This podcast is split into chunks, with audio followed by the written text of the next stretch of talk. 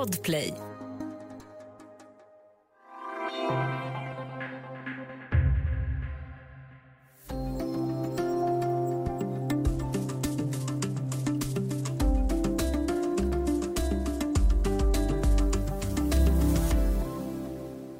Konsumera, priset inflatera, Ingves vill ha mera. Vill ha mera. Stimulanserna deras, inflationsmålet ska... Hyperinflation med DJ Spara Mustafa. Ett musikaliskt försök att förklara en avgörande del av det ekonomiska kretsloppet. Något som vi snackar mycket om just nu men som många av oss ändå undrar hur det egentligen fungerar. Studio DN idag om allt du undrat men inte vågat fråga om inflation. Välkommen, jag heter Ulki Holago. Och nu har jag med mig Dagens Nyheters ekonomikommentator Carl-Johan Fonseth. Hej! Hej! Du har skrivit en eh, utredande artikel om vad inflation är för något i Dagens Nyheter. Och nu ska du få förklara det här i Studio DN också. Om vi börjar med den mest grundläggande frågan. Vad är inflation? Inflation betyder att allting blir lite dyrare hela tiden, kort och gott. Det är ett mått på den allmänna prisnivån som vi konsumenter möter när vi betalar räkningar, går och handlar och köper tjänster och sådär. Det, man mäter det som en liksom procentsats. Eh, vi, vi, brukar tala om 2% inflation till exempel. Det är en typ av genomsnitt kan man säga. Och om man tänker sig lite, för, om vi förenklar det lite, lite grann en stund och tänker oss att vi, vi, vi liksom lever i en värld där vi bara köper två saker. Eh, vi kan köpa ja, bussbiljetter och bananer i samma, samma summa varje månad. Och så går eh, priset på bussbiljetterna upp eh, 6% och bananerna går upp 0% från ett år till ett annat. Då är inflationen en typ av genomsnitt kan man säga och blir det året 3% alltså genomsnittet av 0 och, 0 och 6. Så kan man förklara det. Inflationen i Sverige väntas i år bli över 5% enligt statliga Konjunkturinstitutet och det är den högsta på nästan 30 år. Vad betyder det här? Det är den högsta nivån sedan början på 90-talet eh, och det betyder ju att det, den köpkraft vi hade förra året eh, i praktiken då minskar med 5 Så om, om en, en hundralapp eh, förra året eh, har blivit 5% mindre värd i slutet på det här året kan man säga. Det betyder också, eftersom inkomsterna ökar eh, betydligt långsammare, löneökningarna just nu är ganska låga, de är under 2% att vi i praktiken blir fattigare. Så hur mycket handlar om relationen mellan löneökningarna och prishöjningarna? Um, ja, alltså om nu... Det här är ju en prognos då som kom förra veckan från, från Konjunkturinstitutet och det finns andra prognoser från till exempel regeringen från förra veckan också som hade lite lägre. Men om det hamnar runt 5 så, så, och löneökningarna blir ja, runt lite under 2 så, så tappar vi ju 3 Det blir 3 fattigare kan man säga.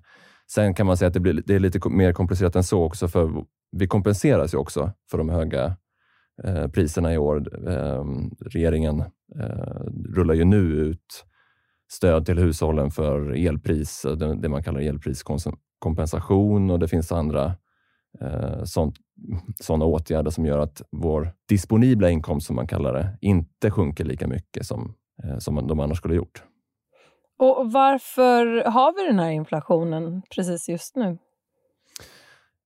Den har, inflationen som normalt sett är i Sverige har den varit strax under 2% de senaste två decennierna i snitt.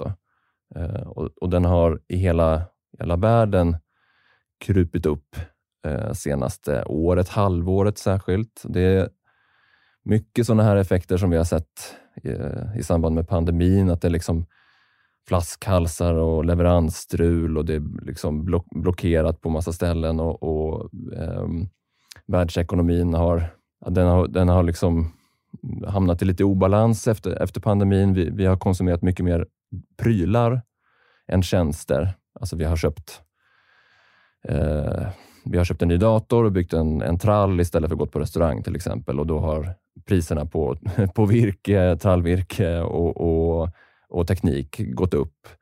Eh, och Sen har vi haft en eh, amerikansk ekonomi som har varit väldigt, den har gått väldigt bra. Och det, här, och det har liksom eldat på den här eh, racet som har varit och sen har vi fått eh, kriget eh, i Ukraina som har haft lite liknande effekter. Då. Att det, det blir strul med leveranser och brist på grejer som gör att priserna stiger. Hur mäts inflation? Eh, ja, verkligheten är ju lite mer komplicerad än, än att bara två, två, att vi bara köper typ bananer och buss, bussbiljetter. Eh, Statistiska centralbyrån, eh, myndigheten, eh, har ansvar för det här och de, de följer då, eh, när jag frågade dem förra veckan, så var det lite över 150 000 unika liksom, produkter, varor och tjänster som de håller koll på hela tiden. Då mäter de de här och sen vägs det ihop då utifrån en hushållsbudget kan man säga. Eh, man kallar det för varukorg också, där, ja, men där varje liksom, post får vägs utifrån sin proportion. Och då till exempel, ja, i, i snitt så spenderar svenskarna ja, strax under 25 procent på, på boendet på olika sätt och 15 procent på mat och sen är det massa saker som vi, som vi som köper och som vägs ihop då, i det här. Och det här så kommer det statistik en gång i månaden utifrån eh, hur de har gjort det där. Och sen finns det många. Det, det, är, det, kan låta enkelt, men det är inte i alla eh, avseenden, utan det kan vara ganska komplicerat också. Och det finns vissa bedömningsaspekter i det. Det förvånar mig inte ett dugg. Eh, I det här sammanhanget finns ju också begreppet krymplation. Vad är det för någonting och hur hänger det ihop med inflation? Det, det, är en av de här sakerna som är lite mer komplicerat då, än att man bara tittar på prislappen på, på massa varor. Utan ja, men det, priset på ett paket kaffe till exempel kanske inte förändras från en, ja, en månad till en annan, men, men däremot så kanske paketet har krympt. Och Det är det som kallas krymflation.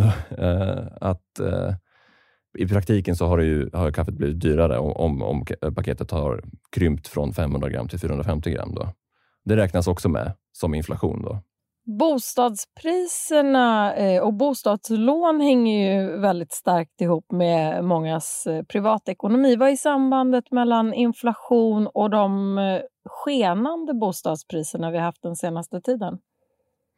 Det är en, en ytterligare sån sak som är lite mer komplicerad att mäta. Då, eh, Eh, och då ser man det som att eh, ja, men att köpa en villa eller en lägenhet, det är, inte, det är inte konsumtion på samma sätt som när man köper ett paket mjölk. Det är liksom, eh, paketet mjölk det köper man eh, och dricker upp inom en vecka, eh, och, men ett hus eller en lägenhet eh, är en annan, en annan typ av eh, sak att köpa helt enkelt. Och därför om, om bostadspriserna ökar med 10 procent ett år så, så, hamnar inte det i statistiken på samma sätt, då, utan man gör en lite komplicerad beräkning där man, där man försöker göra en kalkyl av vad det kostar att bo och då går högre, högre bostadspriser betyder att kostnaderna för att bo ökar. Eh, men bostadspriserna går in, ingår inte direkt i inflationsmåttet kan man säga. Du har ju redan nämnt eh, bland annat prisökningar. Men om du skulle ta och ringa in, hur märks inflationen för oss vanliga sam, eh, samhällsmedborgare? Det märks på det sättet att allting, eh, eller nästan allting, blir lite dyrare. Och att det som vi, eh, den, liksom, de pengar vi tog till affären eh, för ett år sedan, eh, att de inte räcker till lika mycket i år, helt enkelt. Och du skriver i din eh, artikel om inflation att en del av hur vi märker av inflationen också är psykologisk. Hur då? Jo, men det, det är ganska vanligt tror jag att man, att man känner att inflationen eller priser, prisökningarna är större än vad statistiken säger. Och Det finns ju flera skäl till att folk, eller många, tänker så. Och ett, ett skäl är att Vissa saker köper vi väldigt ofta och har koll på vad de kostar. Vi, jag menar, vi går och handlar mat ofta och vi kan tanka bilen ofta och vissa saker så, så ser vi liksom, vi har koll. Vi minns vad det kostade för förra gången vi handlade, kanske för ett år sedan eller så. Och andra saker som också är väldigt stora, stor del av vår, våra utgifter egentligen, eh, köper vi mer sällan. Ett exempel på det är hur priserna har varit på nya bilar och ja, kontra bränsle. Då ny bil har liksom, prisökningen på nya bilar har varit väldigt långsam, eller låg, de senaste 20 åren, un, under 2% per år. Men bränslet har blivit dyrare snabbare. Då, det, då är det inte så konstigt att man, man tycker att, eh, att allting blir, blir dyrare. Eh, men då glömmer man bort att, man, att eh, bilen som, som var liksom ett inköp för flera hundratusen, eh, att, att den, de inköpen inte ökade i pris lika snabbt. Det, det är alltså ett skäl till att man, ja, man tänker att det, att det kan vara högre än vad det är. Och Hur påverkar vår psykologi själva inflationen? Det, det som många centralbanker, som, som centralbankerna i, i ja, Europa och stora delar av världen har, har ju som uppgift att då hålla inflationen i schack. Man har ett inflationsmål som i de flesta rika länder i alla fall är på 2 och Det man befarar och det man hemskt desperat vill undvika nu när den stiger, det är att man får en, en inflationspsykologi i, i, i ekonomin. Att eh, vanliga människor tänker att inflationen stiger, därför måste jag kräva mer lön. Eh, vi, vi, vi, vi, kräver 8 i löneökningar. Företagen i sin tur tänker att ja, det är okej med 8% löneökningar, för vi kommer höja priserna med 10 nästa år och, och, så blir det där en, en, en, eh, en psykologisk eh, ja, en liksom miljö som, som är väldigt svår att komma ur och som man hade till exempel på 70-talet och en del på 80-talet. Att man, man, man hamnade på, på höga nivåer av inflation som, som var svår att komma loss från. Och sådana, hö, såna höga nivåer som ja, men om vi skulle om man hamnar kring 10 procent eller mer är, är eh, besvärliga. Uh, och, och man, så man vill undvika det här att det sätter sig i, i, i mentaliteten, att det, liksom, det blir bara högre och högre. Så alla måste hålla tillbaka för att undvika det här? Ja, det finns ju ingen skyldighet att, att, att vara återhållsam när man, när man förhandlar sin lön. Det kan man ju inte kräva av, av folk och man kan inte riktigt kräva av företag heller att de ska hålla tillbaka, utan det här måste ju liksom hanteras av, ja det är ju i, i praktiken centralbankernas uppgift att påverka förväntningar och hålla tillbaka trycket kan man säga. Så hur kan vi själva agera mentalt och praktiskt för att kunna hantera inflationen? Det, det tråkiga är ju att man inte kommer runt en, all, en, en, en prishöjning i hela ekonomin. Det, det, går inte att undvika som, som vanlig människa och konsument. Eh, det man kan... Ja, om, om, man, om man i praktiken blir Eh, man, man, blir fattigare så kommer man ju att ställas inför val. Liksom, att man, ja, men man får välja bort saker och man får välja en billigare produkt eller, eller säga upp en prenumeration på, på någon tjänst man har eller någonting sånt. Eh, en annan sak är ju att man, man kan försöka visa för de företag man är kund hos att man inte accepterar vilka prishöjningar som helst. På, på, många, eh, på många marknader, alltså om man tänker på livsmedel och dagligvaruhandel när, man, när vi går och handlar, så är det ju en, en, en dålig konkurrenssituation. Alltså det är en oligopolmarknad med väldigt få aktörer. Så vi, konsumenterna är mycket i händerna på, på, på de stora handlarna. Det man kan göra som konsument är att rösta med fötterna och hitta någon mindre butik om de har lite billigare kaffe eller någonting sånt och, och visa att man inte accepterar eh, att de vältrar över alla kostnader och behåller stora marginaler. till exempel. Så leta lågpriser och ha matlåda? Ja, ja lite så. Mm. Hur länge pågår inflationen? Vad vet vi om det? De flesta eh, bedömare är väl över, eh, liksom, över, överens om att de här effekterna som vi haft från pandemin och allt strul och, och brist, så där, att det, det, är inte för, det, det kommer ju gå över. Och det gäller väl i viss mån eh, effekterna av, av kriget i Ukraina.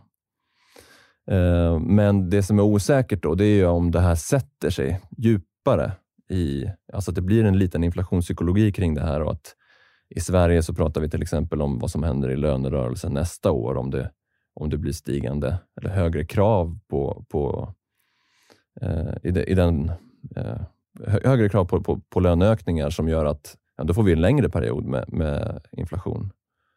Um, och Det är det som centralbankerna vill undvika, då, att den blir så kort som möjligt kan man säga. Och Avslutningsvis nu i närtid, vad kommer hända närmast när det gäller inflationen? I Sverige så har vi um, ett räntebesked som kommer om några veckor eh, där Riksbanken, vår centralbank, har, har tidigare sagt att det inte blir några räntehöjningar eh, förrän om mer än över två år. Eh, man har bedömt den, den inflationen som vi haft i vintras och tidigare eh, som snabbt övergående. Nu har, nu har eh, Riksbanken lite grann ändrat uppfattning och, och tänker att det här inte går över eh, lika snabbt av sig självt utan att man kommer behöva höja räntorna eh, ja, snabbare, kanske redan i höst. Så det är, en, det är en, eh, en, ett, ett besked som, som, som kommer snart kring hur, hur Riksbanken ser på inflationen. Och sen eh, senare i år när man börjar förbereda lönerörelsen och, och så, där, så, så, får vi se också hur, hur till exempel facken ser på, på, på den högre, högre inflationen och om det leder till krav på, på högre löneökningar som kompenserar det här.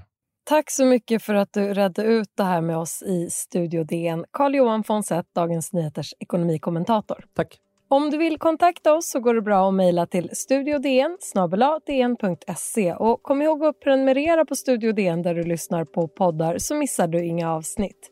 Ljudklippet i dagens avsnitt kommer från ekonomikanalen EFN. Studio DN görs för Podplay av producent Sabina Marmulakai, ljudtekniker Patrik Miesenberger, teknik Jonas Lindskov på Bauer Media och jag heter Ylky Holago.